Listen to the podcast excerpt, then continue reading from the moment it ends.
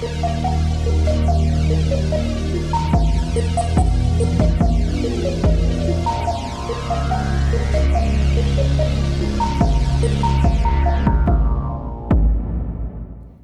bij aflevering 60 van Moordzaken, de podcast. Ja, vandaag gaan we de Donald Duck colporteur uh, bespreken. Uh, en we zitten weer bij mij aan de keukentafel. En we hebben nieuwe microfoons, Carrie. En dat hebben we ook een beetje aan de luisteraars te danken... door hun mooie tipjes voor onze fooiepot. Het ziet er steeds professioneler uit. Ja, en ik hoop ook dat het gewoon nog net iets beter gaat klinken. Maar wij blijven natuurlijk goedwillende amateurs. Laten we eerlijk zijn. Ja. En we gaan terug vandaag naar 1974. En Carrie, wat doet dat met jou? Ja, uh, nou, pijn in mijn hart. Want Nederland die verliest de WK-finale in en tegen West-Duitsland uh, met 2-1. En ik kan je vertellen, ik ben op die dag van de finale als kerstverse baby ben ik uh, gedoopt. En keek ik dus vanuit mijn wiegje toe. Nou weten we precies allemaal hoe oud Carrie is. Ja, dat rekensommetje kunnen we maken. De belangrijkste nieuwsfeit uit 74 hebben we dus wel eh, meteen behandeld. Ja, we wouden dus ook niks meer vertellen dan dit. Maar toch is er nog wel iets meer gebeurd. Het is bijvoorbeeld ook het jaar waarin uh, president Nixon uiteindelijk uh, verdwijnt door het Watergate-schandaal. Dat kost hem het presidentschap. Ja, en ook het jaar dat ABBA het Eurovisie Songfestival wint met het uh, nummer Waterloo. En het jaar dat we de allereerste vrouwelijke president van Argentinië mogen begroeten. En dan hebben we het over Maria Perón. Volgens mij niet eens de eerste vrouwelijke president van Argentinië, maar van de hele wereld. Best bijzonder dus. En het zal maar van korte duur zijn dat ze president is, want ze wordt vrij snel alweer afgezet. En uh, het was ook het jaar dat Nederland uh, als weggebruiker gecontroleerd kon worden door uh, de politie op alcoholgebruik. Het blaaspijpje en de bloedproef werd ingevoerd. Hè, tot grote onvrede van, van de horeca, want die vrezen natuurlijk voor zijn omzet. Dat begrijp ik, maar ben je eigenlijk vaak gecontroleerd, alcoholcontrole? Ja, twee keer. Ik heb het eigenlijk uh, zelden meegemaakt, maar ik ben ook heel braaf. Jij ziet er ook heel eerlijk uit en heel ja, gezond. En, ja. ja, en dan kunnen we het ook direct hebben over de brandstofprijzen, want uh, daar maken we ons tegenwoordig zorgen over. Maar dat deed uh, Nederland toen ook al. Want 1 liter benzine kost toen bijna 1 gulden. Hmm. Nou, Sport Feyenoord wint als eerste Nederlandse voetbalclub de UEFA Cup. Dat was volgens mij toen de Europa Cup 3. Nou, het was zelfs zo dat het uh, nog twee wedstrijden waren. Ja, klopt, uh, Tottenham Hotspur. Ja. En uh, uit speelden ze 2-2. Goede uitgangspositie. En thuis wonnen ze met 2-0. Ik vond trouwens dat je het wel goed Rotterdamse uitsprak, Feyenoord. Feyenoord? Ja, dat deed je goed. Doe mijn best. Ja, en wat ik nog veel mooier vond. De Playmobil poppetjes, die werden in 1974 uitgevonden. En ik heb me daar veel mee gespeeld. Ik ook, ja. Ja, en ik had ze moeten bewaren, want die dingen zijn duur tegenwoordig. Dat wil je niet weten. Ja. Nou, we keken allemaal naar de Great Gatsby met Robert Redford en uh, Mia Farrow. En uh, deel 2 van The Godfather. Heb jij gezien, Eddie, denk ik? Uh, tuurlijk. Ja. ja, toch wel? ik heb ongetwijfeld gezien, maar mijn geheugen voor films, Carrie, is vrij uh, okay. beperkt. Nou, het was ook het, het, jaar van de eerste uitzending van het kinderprogramma De Film van Ome Willem met Edwin Rutte. Die ken ik natuurlijk, deze ja. vuist op deze vuist. Precies, en het boek in 1974, tada, dat was Carrie van Stephen King, zijn debuutroman. Daar word je natuurlijk wel eens mee vergeleken, of niet? Of ben je daarna vernoemd? als, ik onder de, als ik onder de douche sta. Ja. Oké, okay, we gaan door naar het weer. Een gemiddelde zwaar bewolkte dag met een gemiddelde temperatuur van 15 graden. Ja, en dan de muziek. Zeven weken op nummer 1 in de top 40 waren de Rubettes. En die zongen het nummer Sugar Baby Love.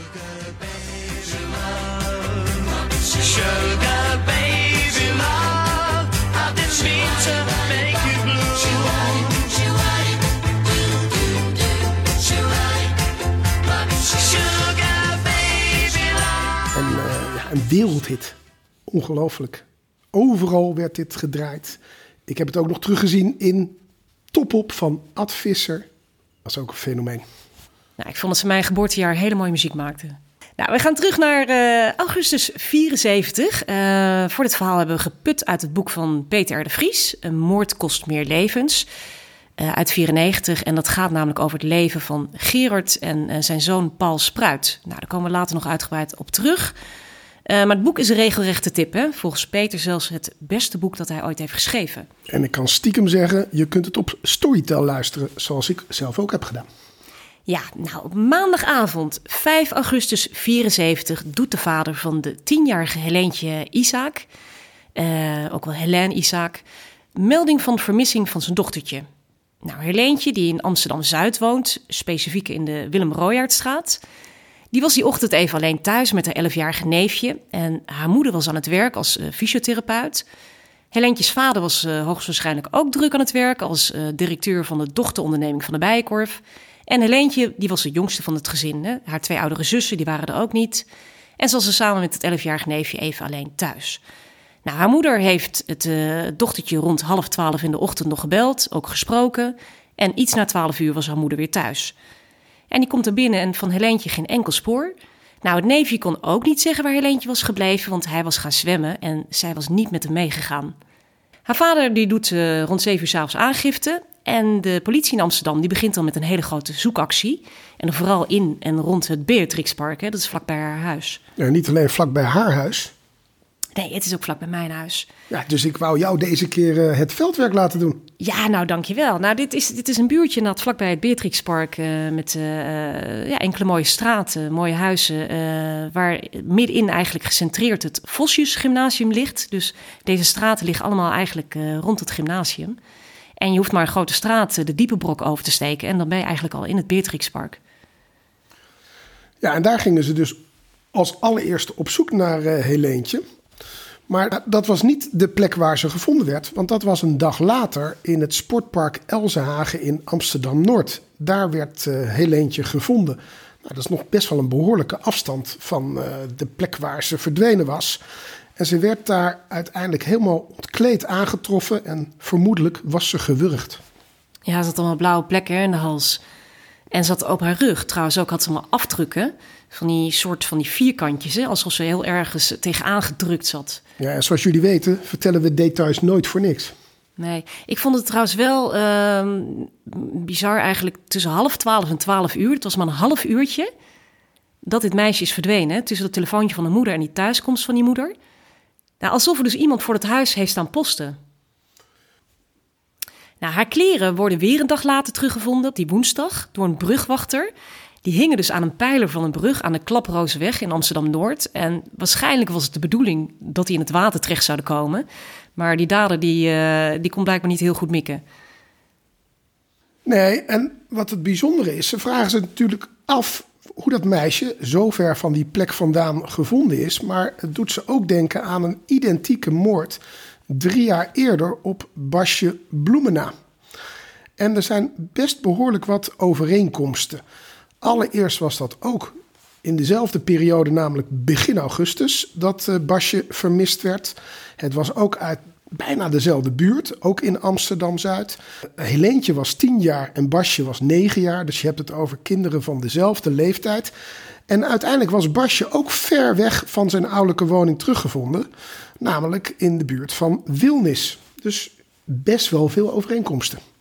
Ja, en ook allebei gewurgd en naakt. Ja, en dan hebben we het over Basje, die in 1971 op 4 augustus, om precies te zijn, uh, vermist raakte. En dat jochie was uiteindelijk ook vermoord. En zijn lichaam was naakt en verpakt in een veelkleurig kleed. En dat is iets waar we nog even op terugkomen op dat kleed. Was gevonden in een recreatiegebied uh, in Wilnis. Uh, en dat ligt vlak bij Meidrecht onder de rook van Amsterdam. Zo'n 30 kilometer van de plek waar die zoek geraakt was. En uh, de sectie op zijn lichaam had uitgewezen dat hij waarschijnlijk ook door wurging om het leven was gebracht. Speelt zich allemaal drie jaar eerder af natuurlijk. Ja, wat was, er gebeurd? Uh, deze Basje was twee dagen eerder uh, gaan spelen bij een vriendje in de buurt. Uh, ook voor je veldwerk. Dat was aan de, aan de Minerva-laan, hoogte van de Gerrit van de Veenstraat in Amsterdam. En hij kwam s'avonds niet thuis, dus zijn ouders werden ongerust. Nou, die zijn gaan navragen bij het vriendje waar hij zou gaan spelen. Maar dat vriendje was er dus helemaal niet. Die was met zijn ouders op vakantie. En weer werd dat hele Beatrixpark dus uitgekampt. Dus waar Basje de hele dag wel was, dat het was voor zijn ouders natuurlijk en voor de recherche groot, uh, groot raadsel. Maar er waren wel twee grote aanknopingspunten. Onder andere over dat kleed wat je net vertelde. Hè? Dat, dat uh, bruinkleurige kleed, dat had een streepjespatroon. Nou, er zijn foto's van gemaakt. Uh, dat werd door het hele land opgehangen. En de grote vraag was ook, wie kent dit kleed? Nou, en dat is gelukt. Ze kwamen er namelijk achter dat dat kleed afkomstig was van het bedrijf Gebroeders van Heek in Enschede. En dat is natuurlijk eh, waar heel veel textielindustrie in Nederland was in die tijd. En wat bleek nou? Dat ongeveer vijf jaar ervoor 24 van dat soort kleden waren gemaakt. Ja, ik vond het ook wel een beetje lijken op een soort sprei. En die kleden, die 24, waren geleverd aan een Rotterdamse firma. En uiteindelijk hebben ze dat dus allemaal kunnen traceren. En het bleek inderdaad dat die 24 ja, kleden, spreien, die zijn uiteindelijk verscheept naar Canada, behalve één exemplaar. Dat was namelijk eentje waar een weeffout in zat. Dus die hebben ze er tussenuit gepikt. En dat kleed, dus met die weeffout, was het kleed wat uiteindelijk uh, gevonden werd bij Basje. Uh, misschien is het ergens uh, aan een marktkoopman verkocht. Het is in ieder geval in Nederland gebleven. Nou, ik vind het wel knap speurwerk. Ik ook, maar dus niemand heeft gereageerd op die oproep van het kleed. En, en dan was er nog een aanknopingspunt voor de moord op Basje. De moordenaar van, uh, van Basje die heeft twee brieven geschreven aan de ouders van Basje. Nou, het waren twee brieven heel slecht leesbaar, vol spelfouten ook. En wat schreef deze man of vrouw? Geachte mevrouw, bij deze mijn oprechte deelneming met uw zoon. Het kost mij moeite om u te schrijven, maar mijn geweten geeft dat aan. Ik ben de moordenaar en ik heb er oh zo spijt van. Het was zo'n lieve jongen. Nou, het is best wel raar hè, dat iemand dus de ouders een, een brief stuurt. Nou ja, eh, misschien toch een soort van gewetensvoeging, zou je dan bijna denken? Ja, hij had, had ook nog bijgeschreven, uh, ga niet op zoek naar, uh, naar mij, want uh, ik ben een Duitser en teruggekeerd naar mijn land. De brief was overigens in het Nederlands geschreven, hè, gepost in Zevenaar aan de Duitse grens. Later kwam er nog een brief uit Haarlem. Nou, die brief hebben ze onderzocht door een grafoloog van het gerechtelijke laboratorium, maar er zaten helemaal geen vingerafdrukken op. Dus zo slim was diegene wel. Ja, ondertussen was er ook nog een tip uitgeloofd. Uh, en dat was 20.000 gulden. Dat was uh, 10.000 gulden eigenlijk van de overheid. Maar er was ook nog een onbekende gever die er heel veel waarde aan hechtte. Als uiteindelijk deze moord op het Amsterdamse jongetje uh, werd opgelost. Nou, die moord op Basje werd dus ondanks het groot onderzoek niet opgelost. En nu drie jaar later in diezelfde buurt opnieuw een kindermoord. Dan drie dagen na de vondst van Helentje wordt er een arrestatie verricht. Op 8 augustus op een camping in Epe wordt Gerard S. gearresteerd. Ja, hij was die dag daarvoor al als getuige gehoord. Hè? Deze Gerard was namelijk in de buurt gesignaleerd met een gemotoriseerde bakfiets. Gerard was namelijk een colporteur. Misschien moeten we dat even uitleggen, Carrie, wat een colporteur is. Uh, in principe is dat iemand die huis aan huis iets probeert te verkopen. Maar het beroep van deze Gerard was meer een blademan. En het lijkt erop alsof hij ja, soort leesmappen rondbracht. Ja, dit was in de tijd van een leesportefeuille. Ik bedoel, dat hadden we allemaal. Hè? Tenminste, ja, mijn oma had dat ding. bij de kapper liggen hoor. Dat is nog niet helemaal verdwenen. Nee, klopt. Je kan ze nog steeds bestellen. Ja. ja. Maar zijn vervoermiddel vond ik interessant. Want dat was eigenlijk een soort, ja, toch min of meer een brommer met een hele grote bak. Ja, je kunt het wel de voorloper van de... Ja. De bakfiets, hij was van, de tijd gewoon ver vooruit. Ja, eigenlijk wel. Maar die zag je toen best wel veel. En die heette toen ook motorcarriers. Ja, beplakt met van die Donald Duck stickers. Uh, oefenen natuurlijk enorme aantrekkingskrachten uit op kinderen. Ja, en ik kan me die geluiden van die apparaten ook nog uh, herinneren. Dat waren echt van die pruttelende motoren. Ja. Een beetje knalpijpachtige dingen. En die hadden ook nog zo'n mooi scherm boven het stuur. Dat je nog een beetje voor de regen beschermd zat. Maar ik vond die leesportefeuille, je, je praat er snel overheen, vond ik namelijk ook een heel mooi fenomeen. Want dat had je natuurlijk, uh, mijn oma had zo'n ding. En die had dan de privé een weekend van, van vier weken oud. Want hoe ouder de leesmap, hoe goedkoper die was. Abonnement, precies. Ja. Dus dan had je Patty Bart die al lang weer uh, een stap verder was. Weet je? Ja, Patty Bart gaat al heel lang mee, dat klopt. Ja, die had je niet. Die stond er toen al in. Ja. Nou ja, in ieder geval, deze Gerard die was dus uh, een, een colporteur van de, van de leesportefeuille. En toen de politie navraag in de buurt deed, uh, bleek dat deze altijd zo stipte colporteur deze maandag die tijdschriften veel later dan normaal had afgeleverd. Dus die politie is iets verder uh, in de achtergrond van Gerard gedoken. Helemaal toen bleek dat hij ook nog in een Mercedes reed en dat op de avond van Helentjes vermissing een Mercedes was gesignaleerd bij Sportpark Elsenhagen. En daarbij kwamen ze ook achter dat deze Gerard een zedenverleden had. Dus een jaar daarvoor, in 1973, was er een proces verbaal tegen hem opgemaakt hè, voor het lastigvallen van, uh, van een jongetje in, uh, in de buurt. En alle mensen met een zedenverleden werden natuurlijk gecheckt op een alibi. Dus Gerard kwam al snel in het vizier. Ja, iets meer over deze Gerard en dan hebben we het over Gerard Spruit. Hij is uh, geboren in 1922. Hij was de oudste van vier kinderen, trouwens allemaal jongens. Geboren in Rotterdam, maar opgegroeid in Utrecht. Ja, niet een hele fijne jeugd gehad. Uh, hij werd met een stok tot bloedens toe afgeranseld. Uh, liefde en genegenheid was er niet in zijn buurt. Het was overigens een streng katholiek gezin. En hij had ook een buitengewoon slechte relatie met zijn vader. Uh, hij zag er ook niet heel erg dynamisch uit, begreep ik. Hij werd uitgescholden als brillenjood. En uiteindelijk, ja, het werd een jongetje die een beetje vechtersbaasje werd. Hij ging brandstichten, hij had woedeuitbarstingen. Uiteindelijk overleed ook bijvoorbeeld zijn vader aan TBC. Uh, en ja, hij moest eigenlijk op jonge leeftijd al een beetje de rol van zijn eigen vader overnemen. Dan heb ik het over ja, een jochie van 14. Op dat moment, en dan moet je nagaan natuurlijk dat dat een jong ventje is, uh, was er hulp van de voogdijraad. Dat was dan wel weer goed geregeld. En Gerard uh, ging naar het Sint-Vincentius gesticht. Dat is een plek voor moeilijk opvoedbare jongens. En dan moet je je voorstellen, dat zijn paters die daar de boel proberen bij elkaar te houden. Overigens alleen maar mannen die daar zijn. Maar ja, wat denk je, wat gebeurt er in zo'n gesticht? Daar gebeuren natuurlijk echt uh, ja, vreemde zaken. Het gaat zelfs zover, uh, bleek dat er allemaal seksuele contacten waren. Uh, de jongetjes zaten allemaal te masturberen. Het was echt, echt ja, een, een, een best wel moeilijke en zeg maar zieke omgeving. Ja, dat helpt natuurlijk niet voor zo'n jong ventje. Hij werd uiteindelijk op zijn zeventiende ontslagen uit het gesticht. Dat hebben we dus over 1939, vlak voor de oorlog. Hij maakte wat zeereizen. Ja, en dan ondertussen gaan we natuurlijk de oorlogsperiode in. En je kunt je voorstellen dat als je dan zo'n jonge knaap bent... dat het best wel lastig is om jezelf te handhaven. En ja, dat gaat zelfs zover dat hij in 1941 gearresteerd wordt... omdat hij ontucht heeft met een tienjarig jongetje. Die heeft hij op zolder vastgebonden. Daar heeft hij een prop in de mond gedaan om uiteindelijk de volgende dag weer bij dat jongetje terug te komen. Hij wordt uiteindelijk ook veroordeeld voor één jaar en drie maanden gevangenisstraf. Dus dan hebben we het over een, ja, een jongen van 19. Ja, en hij zou eigenlijk zou die psychiatrische begeleiding moeten krijgen. Maar zoals je zei, het was het begin van de oorlog. Hij is dus naar een uh, Duits interneringskamp gestuurd. Maar ondertussen hield hij dus wel homoseksuele contacten met eigenlijk hele jonge jongetjes. Hield hij voor de buitenwereld natuurlijk angstvallig verborgen. En ondertussen trouwde hij zijn eerste vrouw, die hij via een contactadvertentie had leren kennen in 1948. Ja, je moet bedenken dat hij daarvoor niet echt heel veel contact met vrouwen of meisjes had. Uh, en uiteindelijk trouwt hij en daar worden uh, ook nog twee kinderen uitgeboren. Ja, het was gewoon een schijnhuwelijk eigenlijk. Ja, ik denk voor de vorm inderdaad. Ja. Nou, in 52 wordt hij dan ook weer opnieuw veroordeeld wegens uh, seksueel misbruik van kinderen. Nou, wat deed hij dan? Hij nam die kinderen mee naar een omgebouwde vrachtauto. Daar had hij in die laadruimte allemaal matrassen liggen, dus ook tegen die zijkanten aan.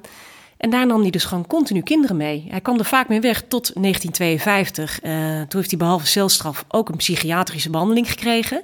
Nou, stel helemaal niets voor. Hè? Dat was één keer in twee maanden een, een gesprekje van vijf minuten met een psychiater. Dat was het gewoon.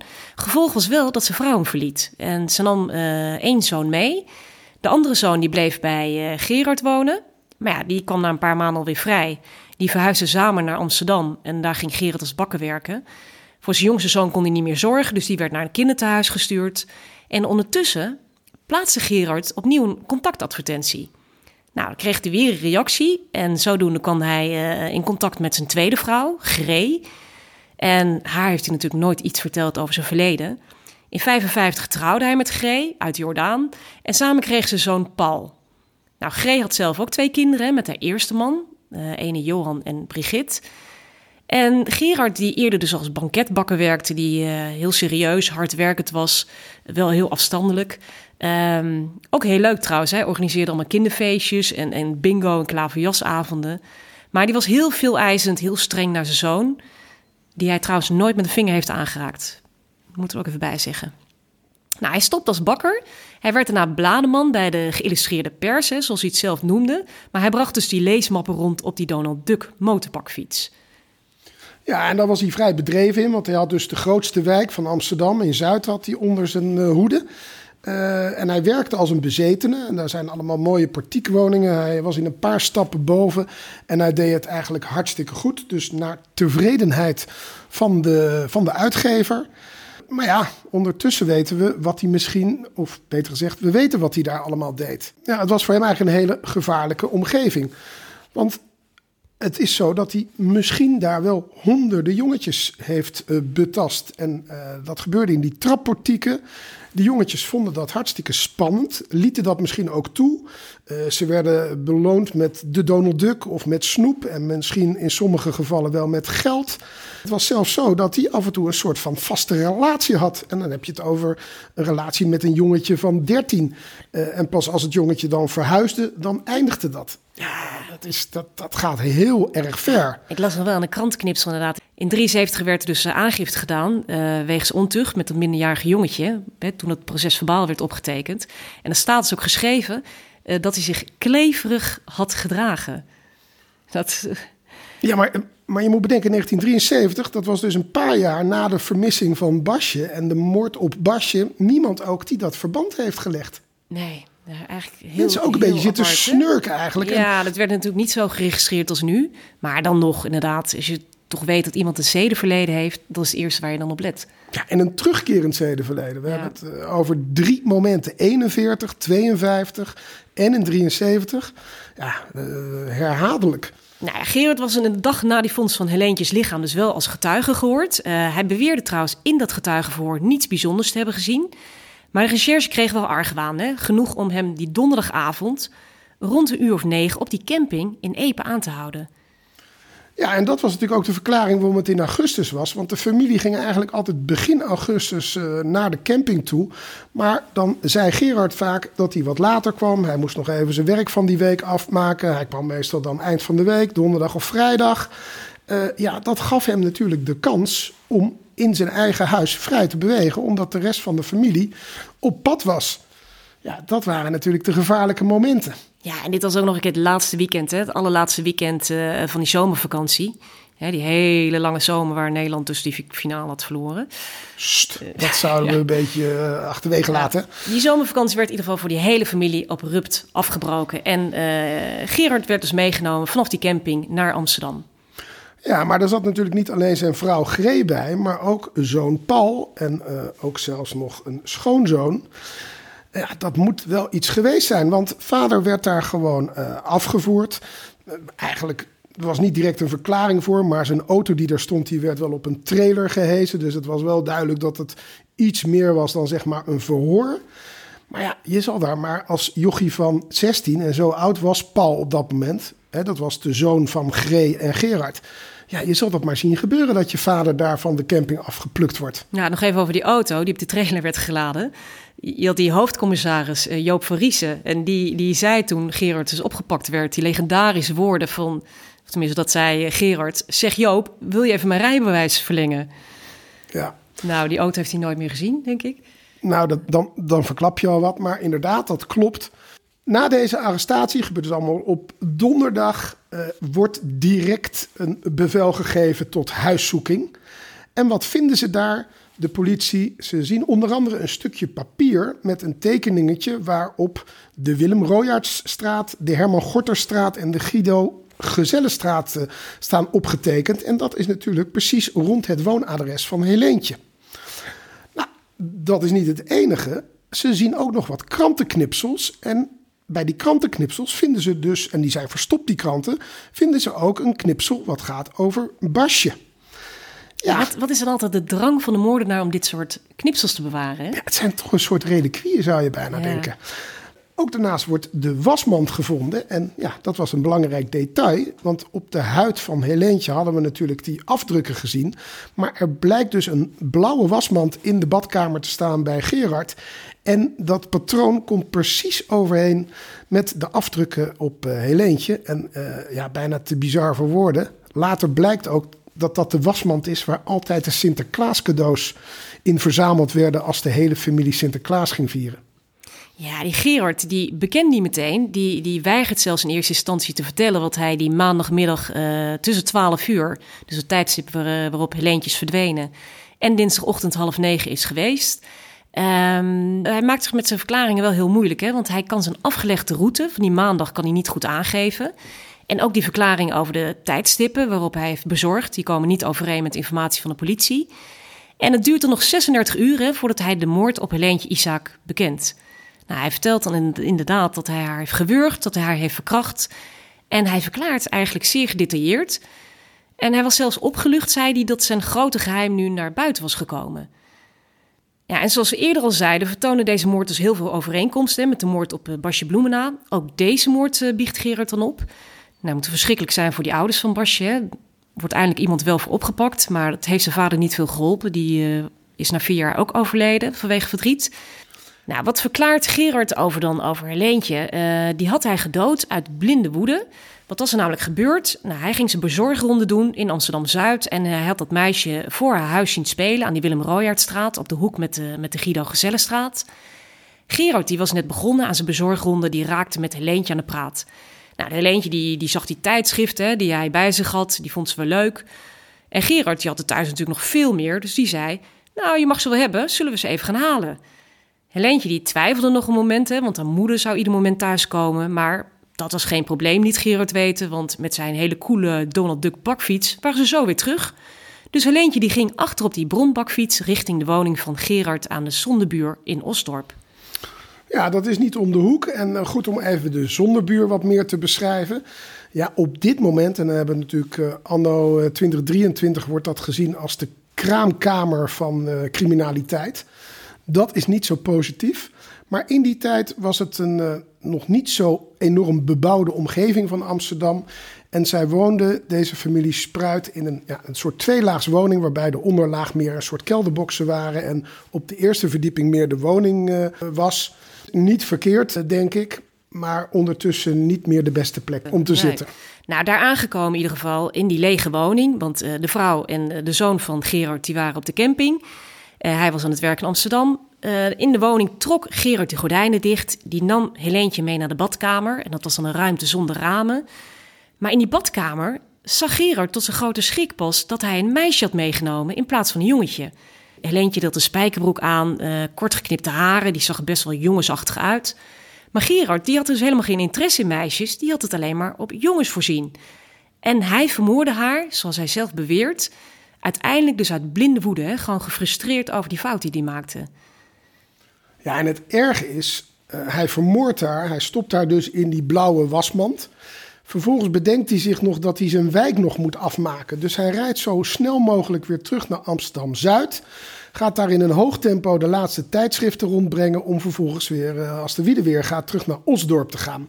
Ja, en daar heeft hij Helentje dus in die wasmand zitten, die hij vervolgens in zijn oude Mercedes stopt. Hij begint met rondrijden en besluit uiteindelijk dan om haar uh, bij dat sportpark Elzenhagen in Amsterdam-Noord in de struiken ja, te dumpen, zou ik dan toch willen zeggen. Maar ja, hij zit ook nog met de kleertjes van Helentje. En uh, die liggen nog in zijn auto. Hij stopt onderweg bij een brug, dat is bij de Klaprozenweg, gooit de spullen over de reling. Maar hij heeft wel door, die vallen niet in het water, maar die blijven haken achter een pijler van de brug. Ja, hij schrikt daar natuurlijk enorm van, maar hij durft toch eventjes niet naar beneden te klimmen, want dan denkt hij, ja, dan word ik natuurlijk betrapt. Dus hij rijdt vervolgens verder naar het huis van zijn dochter, zijn stiefdochter in Amsterdam-West.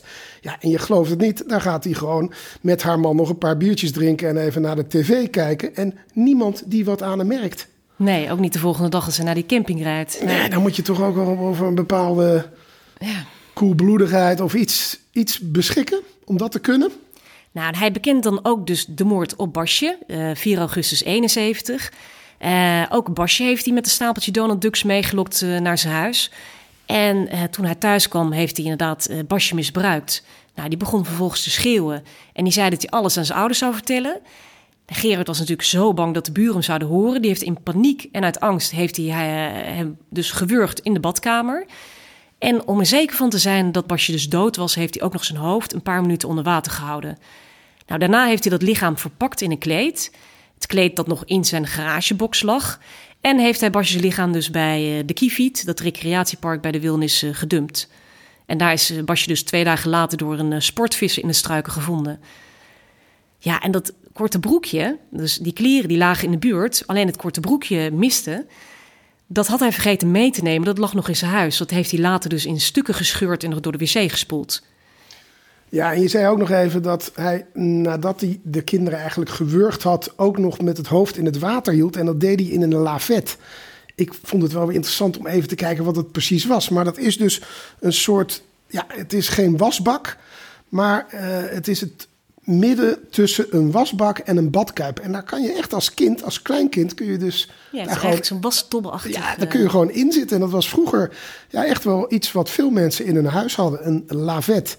Niet te verwarren met een bidet, want dat is... Uh... Waar je iets anders in doet. iets schoonmaakt. Precies, waar je iets mee schoonmaakt. Ja. Nou ja, ja uh, hij had trouwens die ouders inderdaad die brieven geschreven. Dat, dat vertelt hij dan ook. En over dat kleed, waar Basje dus in lag. Uh, dat kleed is ooit ook getoond in de allereerste uitzending van Opsporing Verzocht. Vrij uniek hè, voor die tijd. Nou, wat denk je? Um, Gerard keek dit waarschijnlijk ook met zijn vrouw. Hè? Dit was Iedereen keek dat in die tijd natuurlijk. Twee tv-zenders, of, of netten zoals we dat noemden. Um, dus waarschijnlijk hebben ze dat gezien, of op een foto. In ieder geval, zijn vrouw herkende het kleed. En die had ook gezegd: hey Gerard, dat lijkt wel ons kleed. Maar Gerard die had heel laconiek gereageerd en die zei: Nee, joh, dat is een heel ander kleed. Dat kleed van ons heb ik al lang weggegooid. Bel de politie maar niet, want daar komt alleen maar gezeur van. Nou, zijn vrouw luisterde heel trouw naar haar man, ondanks die beloning van 20.000 gulden. Maar ik denk, als zij iets meer argwaan had gehad, weet je, als zij nou gewoon wel die politie had gebeld, dan had die tweede moord op Helentje kunnen worden voorkomen. Nee, dit is typisch een moment waardoor het anders had kunnen lopen.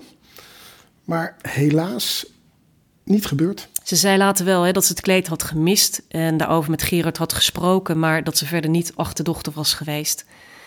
Ja, ze had verschoningsrecht, hè? ze had dus niet hoeven verklaren verder ook.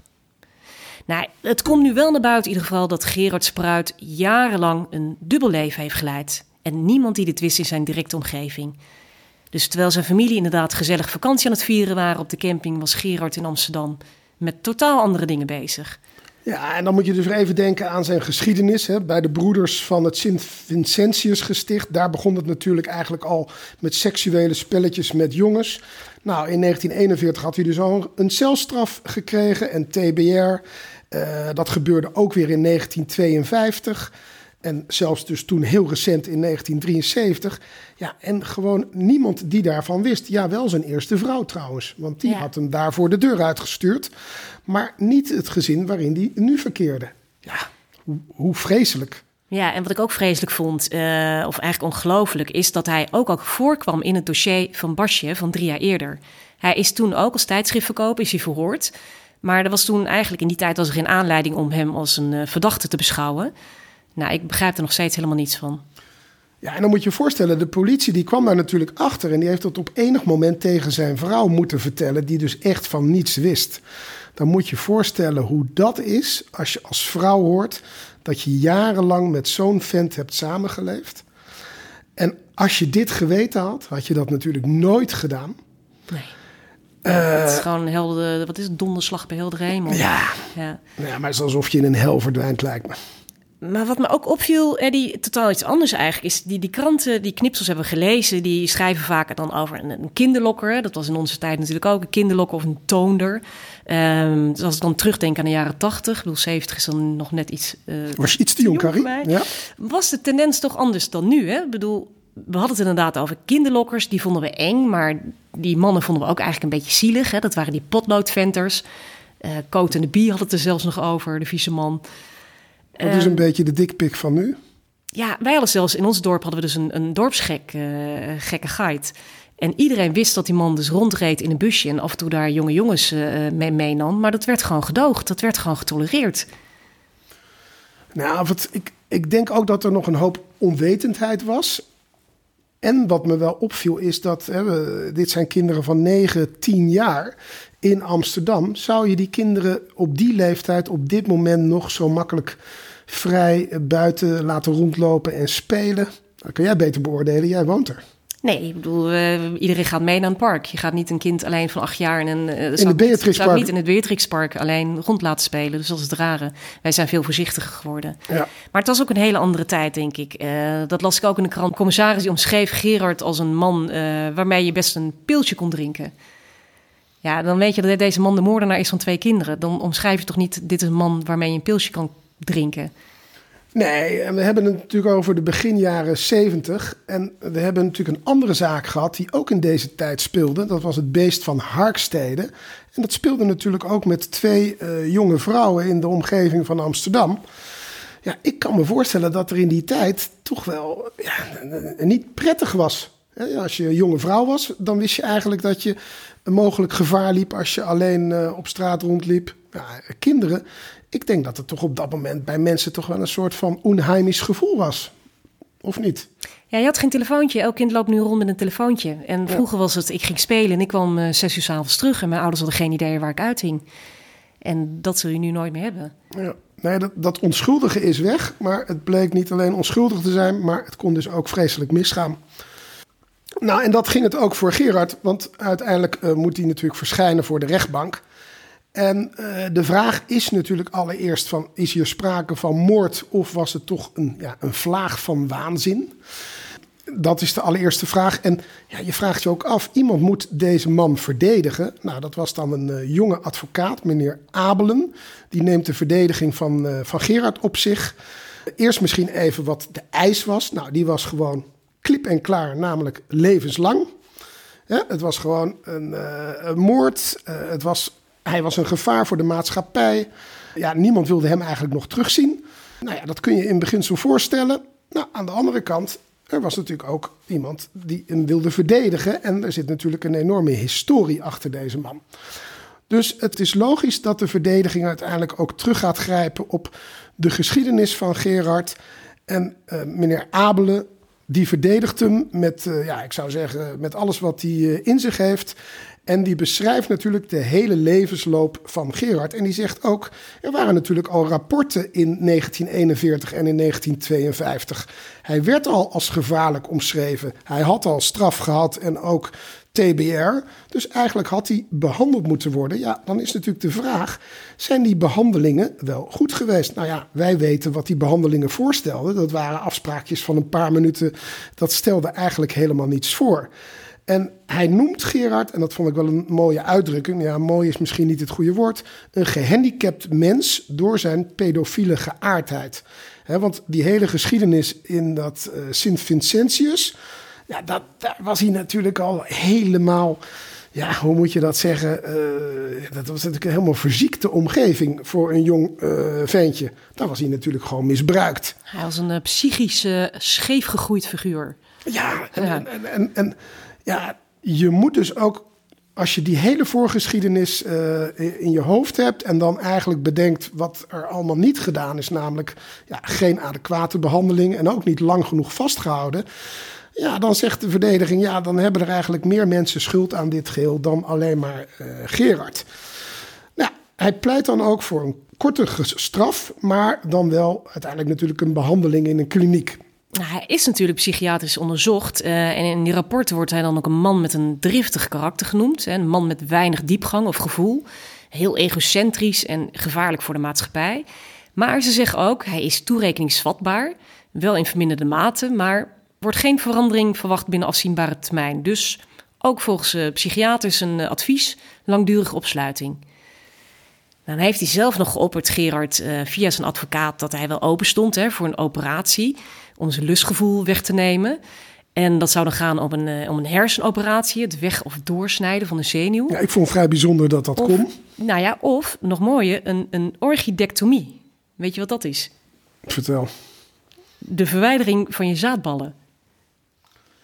Dat wilde hij dus allemaal ondergaan, maar hij wilde eigenlijk liever niet een, een, een, uh, een echte behandeling, niet een psychiatrische behandeling. En dan was het ook interessant om te weten wat zijn laatste woorden waren van Gerard. Nou, dat waren woorden van spijt.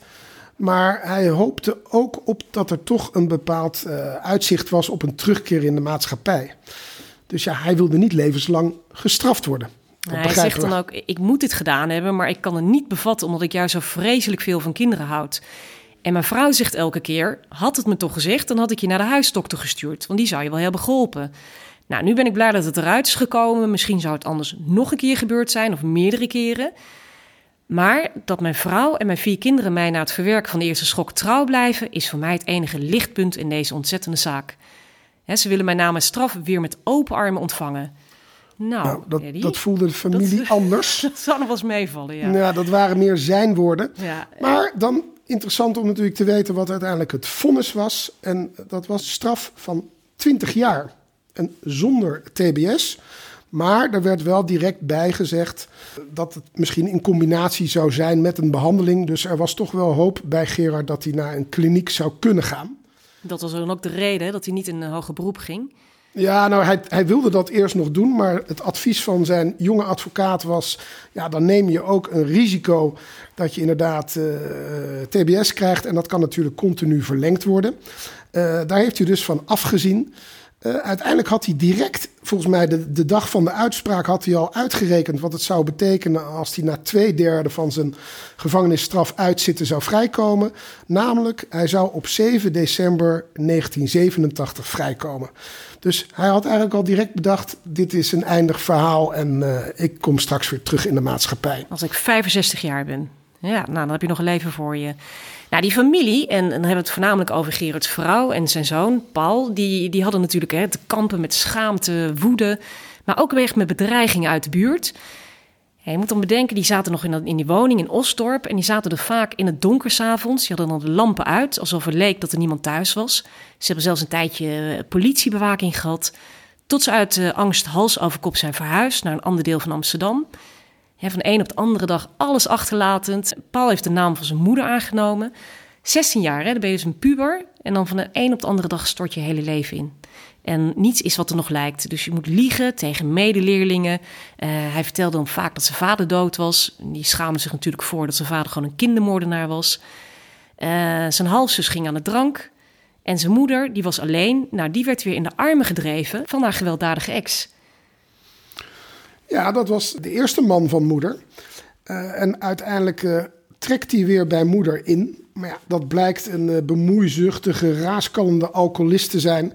En ondertussen is zoon Paul, ja, die maakt zich natuurlijk ook zorgen om zijn moeder. Die is ook wel steeds closer geworden met zijn moeder. Die hebben dan toch samen het geprobeerd een plek te geven dat ja, de daden van Gerard, de vader, uh, maar vervolgens ziet hij dat zijn moeder eigenlijk met die ex, ja, in, uh, die wordt continu mishandeld. En dat, dat gaat echt best ver.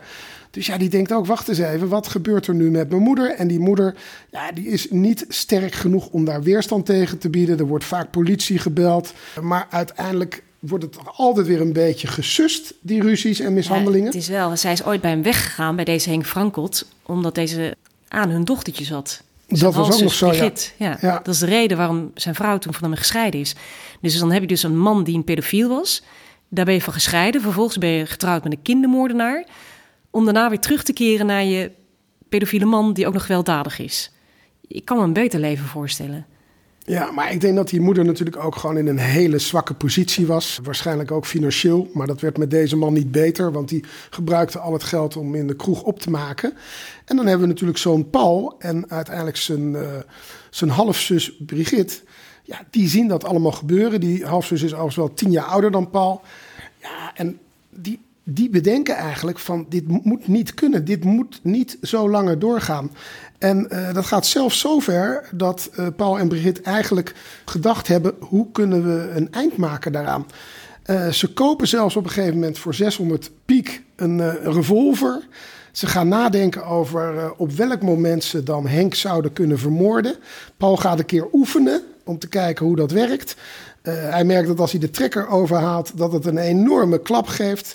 Uh, hij komt er uiteindelijk achter als hij het wapen inspecteert, dat de kogel helemaal niet door de loop gaat, maar ergens afketst in het pistool zelf.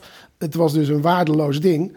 Kat in de zak. Ja, een kat in de zak voor een pistool. Maar moet je nagaan, bij hem en dus ook bij zijn, uh, bij zijn halfzus is die woede zo groot dat ze dat serieus overwegen.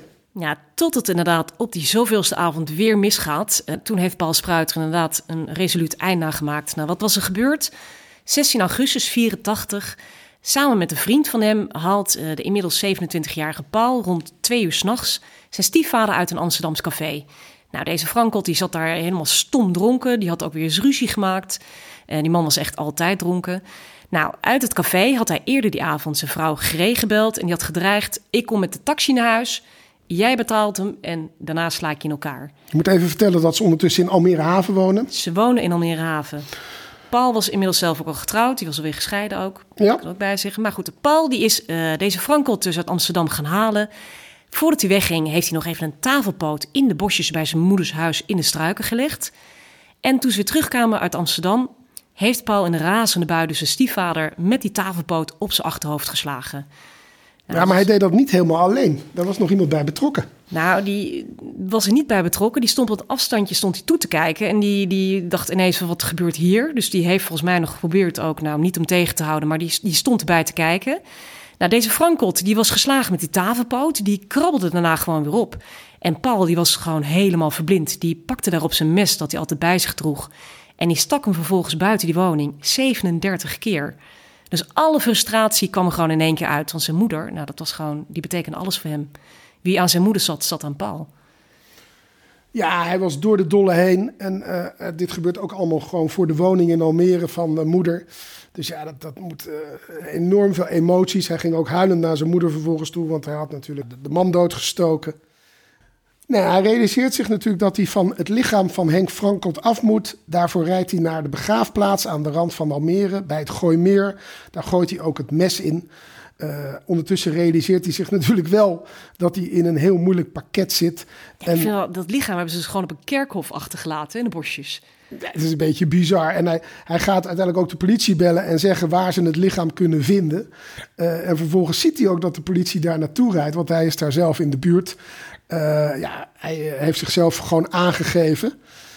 Ja, een totaal moment van verstandsverbijstering natuurlijk. Ja, en vervolgens komt hij er dan ook achter dat hij zoveel, die 37 messteken heeft gedaan. Er komt een hele reconstructie met een figurant. Moet je je allemaal voorstellen hoe bizar dat is. Maar ja, hij doet gewoon een complete bekentenis. Ja, en dan is natuurlijk de vraag, wat is de straf daarvoor? Ja, hij moet natuurlijk net als een vader in de rechtbank verschijnen voor doodslag. Hè? Die zou bijna denken, zo vader, zo zoon. Um, de situatie is iets anders. De situatie is totaal anders. Het is heel kort door de bocht, want dit gaat totaal niet op, maar daar komen we later nog wel even op terug. Maar in die rechtszaal spreekt Paul dus wel de woorden: als me weer zou overkomen, dan zou ik de keuze opnieuw maken. Want hij heeft eigenlijk geen spijt van zijn daad. Wel spijt dat het zover had kunnen komen hè, met zijn moeder. Um, um, hij is ook onderzocht, maar hij was ondanks zijn traumatische jeugd volledig toerekeningsvatbaar. Het was eigenlijk een doodgewone man, hè? iets wat teruggetrokken, maar niet grof, ook niet gewelddadig.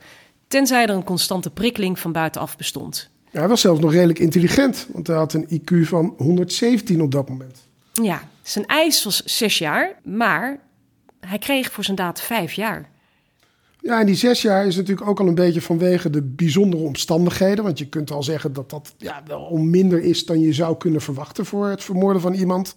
Maar ook in dit geval had hij natuurlijk een advocaat die goed kon uitleggen wat deze man natuurlijk allemaal had uh, meegemaakt. En hij is uiteindelijk natuurlijk ook in principe een first offender. Een overzichtelijke gevangenisstraf zou je zeggen. Uh, vonden ze uiteindelijk inderdaad uh, vijf jaar. Paul die wil in hoger beroep gaan en terwijl hij daarvoor in afwachting is, willen er een paar rechercheurs nog even met hem praten. Want wat blijkt, uh, Paul heeft eerder in de zomerperiode van 83, 84 gewerkt bij een escortbureau. En er zijn op dat moment een tweetal stoffelijke overschotten van prostituees gevonden, waarvan ze nog steeds niet precies weten wat er uh, daadwerkelijk gebeurd is. En ze denken dat Paul daar iets mee te maken heeft. Want ja, er zijn een aantal overeenkomsten, namelijk het is op een afgelegen plek. Uh, ja, ze denken in één keer dat hij daar gewoon een rol in gespeeld zou kunnen hebben. Dus daar wordt hij ook nog even van verdacht. En ze blijven hem maar verhoren. Hij weet eigenlijk niet zo goed wat hij daarmee aan moet. En ja, hij, hij doet eigenlijk wat sommige mensen wel eens doen: iets bekennen wat je niet gedaan hebt. Dus hij bekent min of meer van, ja, zeg het maar, wat moet ik zeggen? Uh, en uiteindelijk wordt het allemaal netjes vastgelegd. En Er wordt gezegd, en dat staat ook in de krant de volgende dag, voorpagina Telegraaf, 7 februari 1985. De 27-jarige Paul S. bekend de moord op twee prostituees.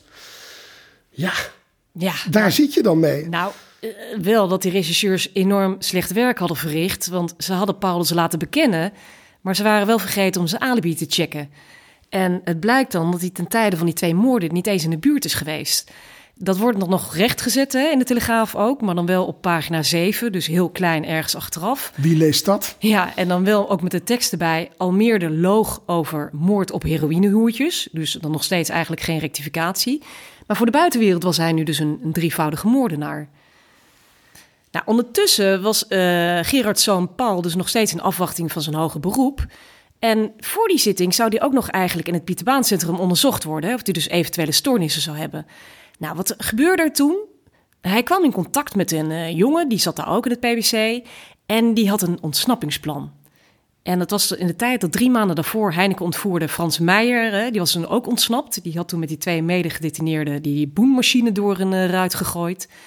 En een aarzeling besloot Paul eigenlijk dat hij wel met deze jongen mee wilde doen. Nou, hoe dan?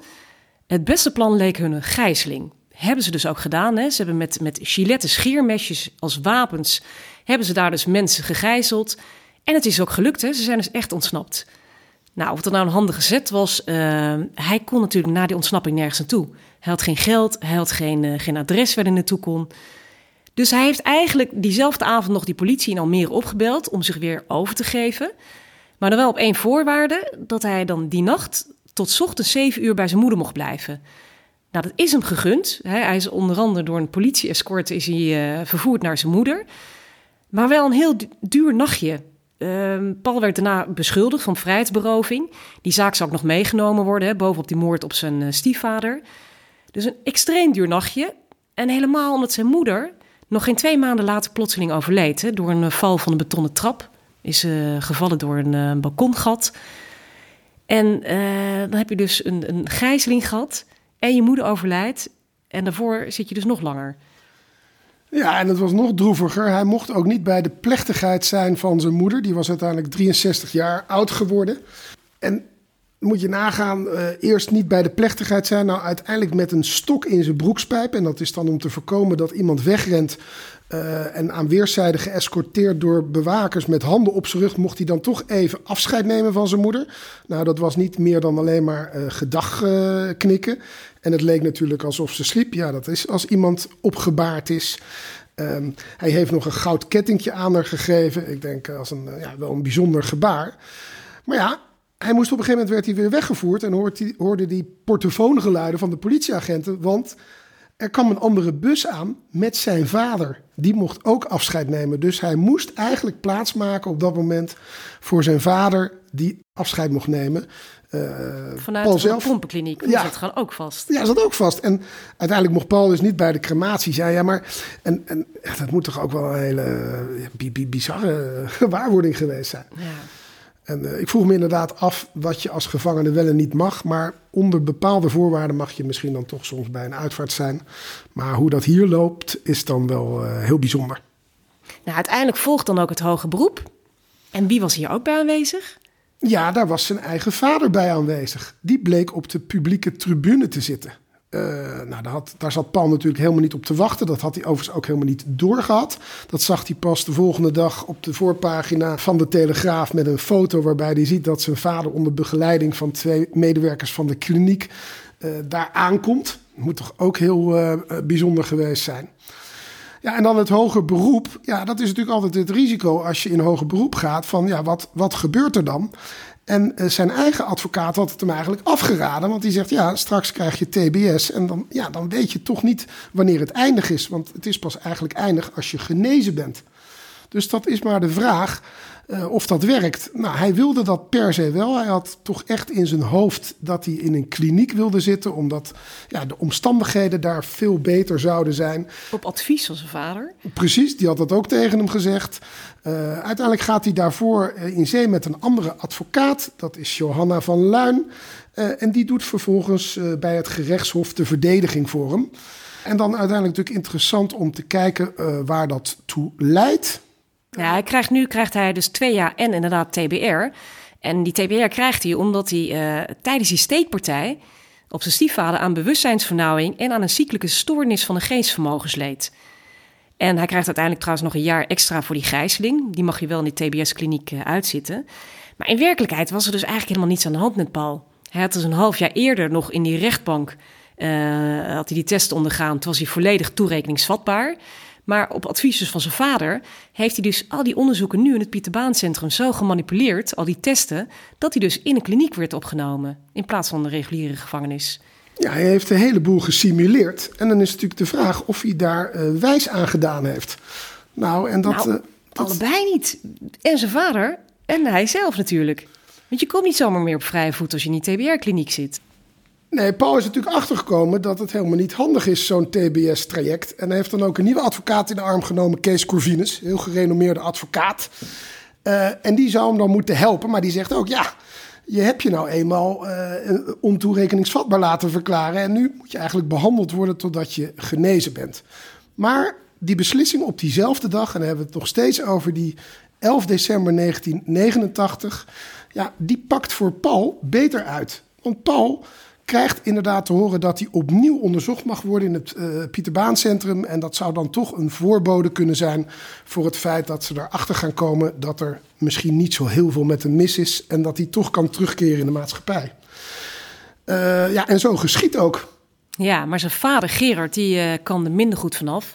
Uh, zijn vrijlating durfde men nog steeds niet aan. En toen Gerard dus op 11 december 89 te horen kreeg dat zijn TBR weer met twee jaar verlengd zou worden, nou was voor hem de situatie echt uitzichtloos. Hij wist ook dat hij eigenlijk nooit meer uit de kliniek zou uh, komen. Dus die avond van de verlenging van zijn TBR heeft hij uh, in zijn cel of in zijn kamer slaaptabletten genomen. En daarna een plastic zak over zijn hoofd getrokken en is hij op bed gelegen. Nou, in het afscheidsbriefje zei hij: Ik kan het leven niet meer aan. En Gerard Spruit overleed dus op 12 december 89. Uh, gelukkig had Paul deze keer wel een toezegging dat hij naar de begrafenis van zijn vader mocht. Maar echt verdrietig was hij niet. Ja, ze hadden ook bijna geen contact meer met elkaar. Hè. Onregelmatig af en toe uh, schreef ze nog wel een brief met elkaar. Maar zijn ja. vader had hem natuurlijk zo beschadigd. Ja, voor hem, voor Paul was natuurlijk zijn vader eigenlijk al veel eerder overleden. Dit was misschien bijna een soort van opluchting. Er hingen nog wel allemaal wandkleden hè, van Gerard Spruit. Die maakte dus uh, hele wandkleden met allemaal Disney-figuurtjes. Die zijn er allemaal in die kliniek blijven hangen. Ja, de, Blijft een kinderlijke. Een, een, een bizar detail zou ik zeggen. Ja. Het goede nieuws voor Paul is, die komt halverwege 1990 weer vrij. En het aardige is, hij uh, krijgt ook een nieuwe vriendin. Uh, ondertussen blijft hij natuurlijk wel heel moeilijk hebben. Want ja, hoe kom je nou als ex-gedetineerde aan een baan? Dat is bijvoorbeeld helemaal niet zo makkelijk. En die relatie is dus daardoor ook niet zo makkelijk, want geldzorgen spelen natuurlijk een rol. Ja, en dat verhaal, je verleden, dat kun je natuurlijk nooit helemaal achter je laten. Dat blijft hem natuurlijk achtervolgen. Ja, hij heeft ook wel echt een verleden. Behalve je vader die een kindermoordenaar is, uh, je moeder die intussen is overleden, uh, stiefbroers niets met de familie te maken willen hebben. En dan had hij ook nog een, een dochtertje bij een ex die hij nog nooit had gezien. En die stiefzus Brigitte, die ook nog eens een keer overleden is. Uh, en dan dus die financiële zorgen.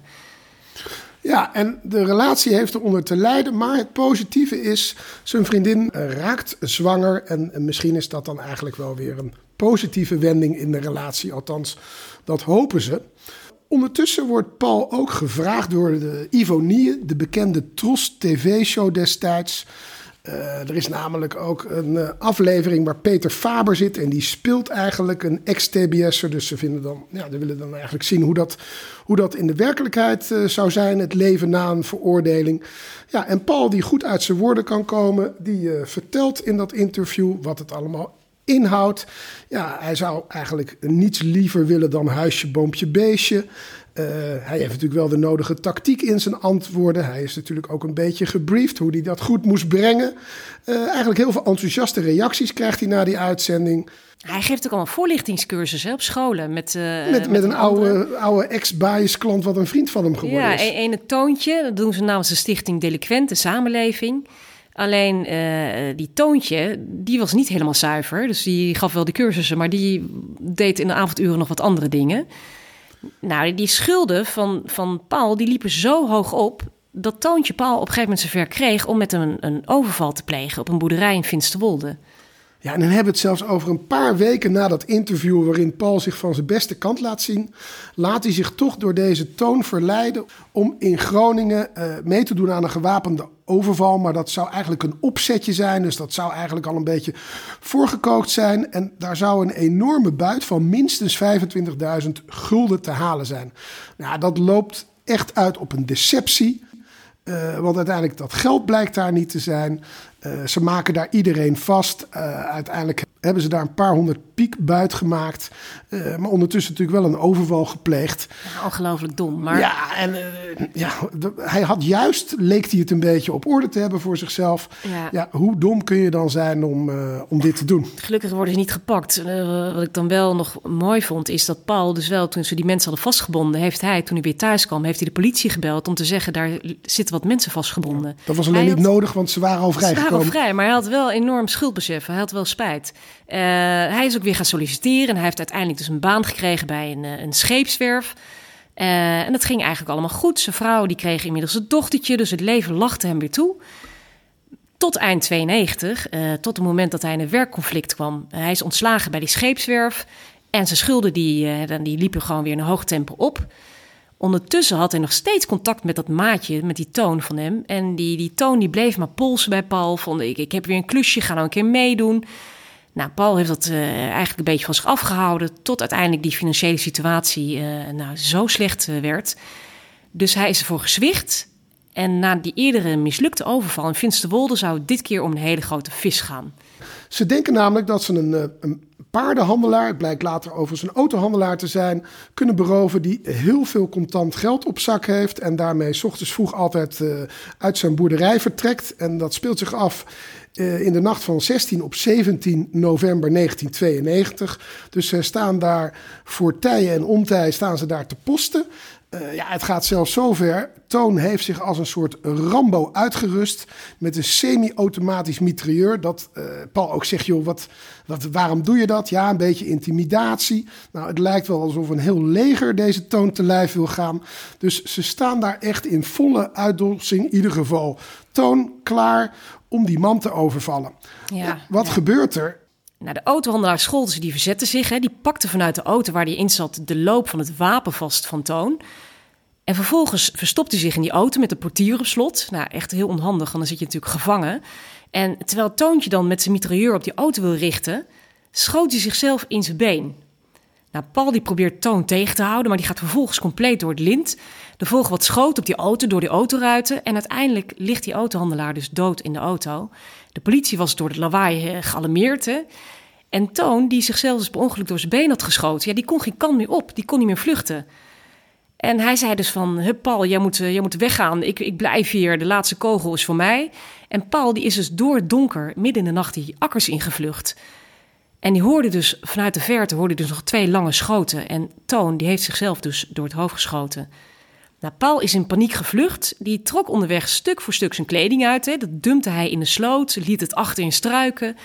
En die liep uiteindelijk dus die koude novemberochtend alleen nog eens een witte onderbroek met gekleurde vlaggetjes rond. Hij had zichzelf wel met modder ingesmeerd om niet te veel op te vallen. Ja, moet nou, je voorstellen. En wat doe je dan? Hè? Dan loop je dus door die nacht. Je weet bij God niet waar je bent. Uh, hij kwam via Harkstede uiteindelijk in het dorp Schaapshok. Ik kende het niet. Nu wel. Veldwerk. Niet geweest? Nee. nee. Nou, twee mannen die. Uh, hij klopt ergens aan bij een oude pastorie. Er waren twee mannen die, die hielpen hem en die hebben hem thuis gebracht. En thuisgekomen heeft Paulus alles opgebiecht aan zijn vrouw. En die overval, zei hij ook, dat was echt absoluut niet zijn bedoeling geweest. Vervolgens heeft hij ook nog de politie in Groningen gebeld. En wat denk je? Die hadden dus geen belangstelling voor zijn verhaal. Dat geloof je toch niet? Ik bedoel, je belt om jezelf aan te geven. Dan zeg je, ja, nee, Paul Spruit, we kennen je wel, maar uh, uh, we doen niks met je. Terwijl het wel steeds op de televisie kwam en iedereen vroeg om informatie. Maar hij probeerde zichzelf steeds ja. aan te geven, werd niet op gereageerd. Het stond zelfs in een nieuwsblad van het Noorden. stond een ja. hele kop met uh, politie is naar, op zoek naar een man in een onderbroek uit Appingedam. Heeft Paul ook nog de, de krant gebeld van ja, hallo, ze weten al lang wie ik ben. Ook daarna bleef het gewoon stil. Maar ondertussen was de recherche natuurlijk al lang bezig met het verzamelen van allemaal bewijzen tegen hem. En ze hebben hem zelfs echt al lange tijd op de voet gevolgd. Zelfs het moment dat Paul naar Groningen is gegaan hè, om alsnog een keer aan te geven had een politieman later gezegd dat hij nog nooit zo'n makkelijk klusje had gehad. Hij zei: Ik kon je bij wijze van spreken gewoon van achter mijn bureau in de gaten houden. Maar dat was gewoon een tactisch spelletje natuurlijk van de recherche. Uiteindelijk anderhalve maand nadat het gebeurd is, de hele kerstperiode is voorbij, wordt hij op 8 januari 1993 wordt hij gearresteerd. Ja, hij, uh, hij hoort het allemaal rustig aan. Uh, hij weet natuurlijk dat hij er uh, gloeiend bij is. Um, uiteindelijk legt hij een complete bekentenis af, maar hij zegt wel, ja, ik heb niet geschoten. En dat is natuurlijk ook waar. Het was Toon die natuurlijk de schoten loste en een einde aan zijn eigen leven maakte.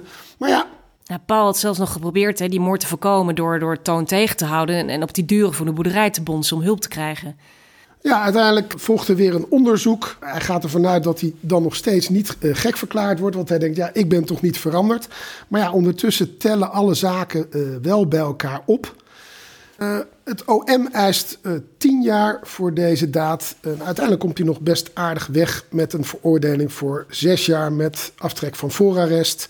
Hij zegt er later ook zelf over dat het daarna echt wel wat strenger geworden is. en met vervoegde invrijheidstelling komt hij in januari 1997 weer op vrije voeten. hij gaat nog even aan de slag als touringcar-chauffeur. Maar ja, hij kan zijn verleden natuurlijk niet achter zich laten. Uh, hij had zelfs in dat interview bij Ivonie iets gezegd, dat vond ik wel bijzonder, dat hij zegt, ja, als ex-gedetineerde word je pas gestraft op het moment dat je vrijkomt. Ja, en misschien is dat eigenlijk ook wel zo. Hè? Er waren ook een aantal mensen die zeiden van hij is waarschijnlijk te snel uit de kliniek vrijgelaten. Ik denk eigenlijk dat het meer te maken heeft met, met de nazorg, toch? Na je vrijlating ook uh, help mensen een baan vinden of help schulden saneren. In ieder geval zorg ervoor dat iemand na, na een detentie gewoon weer een leven op kan pakken. Ja, de vraag is natuurlijk, uh, hoe makkelijk is dat en hoeveel begeleiding is daarvoor nodig en hoe vaak is dat succesvol? Dat durf ik niet te zeggen. Maar bij Paul is het in ieder geval niet goed gegaan. En uh, ja, heel verdrietig ook in 2005 krijgt hij een, uh, een herseninfarct. ondertussen blijft hij, of daarna, voorlichting op scholen geven. Ja, je bent soms een crimineel zonder dat je er een bent. Hè? Dat is natuurlijk wat hij zelf zegt. Ja, dat vond ik wel mooi. Dan kunnen we eigenlijk wel even terugvallen inderdaad op het boek wat we in het begin noemden. Het boek van Peter R. de Vries, uh, uh, wat hij in 94 had geschreven. Die Paul, die schaamt zich natuurlijk kapot. Hè? Hij zegt ook, als mensen nu tegen mij zeggen, je bent crimineel, dan moet ik dat helaas toegeven. En ik heb er wel moeite mee, want diep in mijn hart voel ik me geen crimineel, maar het is nu eenmaal zo gelopen. Uh, op een manier die ik nooit heb gezocht. En dat is niet bedoeld als een verontschuldiging, maar als een constatering. En mijn leven is grotendeels gevormd door verkeerde beslissingen. En ik kan wel zeggen dat het mij allemaal is overkomen. Maar dat is de easy way out. Ik heb ook mijn eigen rol gehad en zo is het gewoon.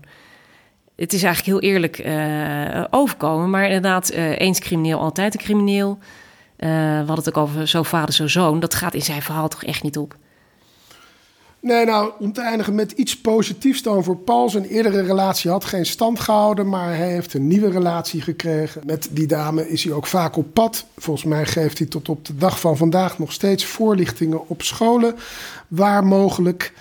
Um, ja, hij heeft zichzelf natuurlijk wel eens afgevraagd van ja, hoe was het leven anders verlopen als zijn vader niet gedaan had wat hij heeft gedaan en hij daar de zoon van was. Ja, dat is natuurlijk. Uh, hij zegt ook: uh, terugkijken heeft geen zin. Het is zoals het is.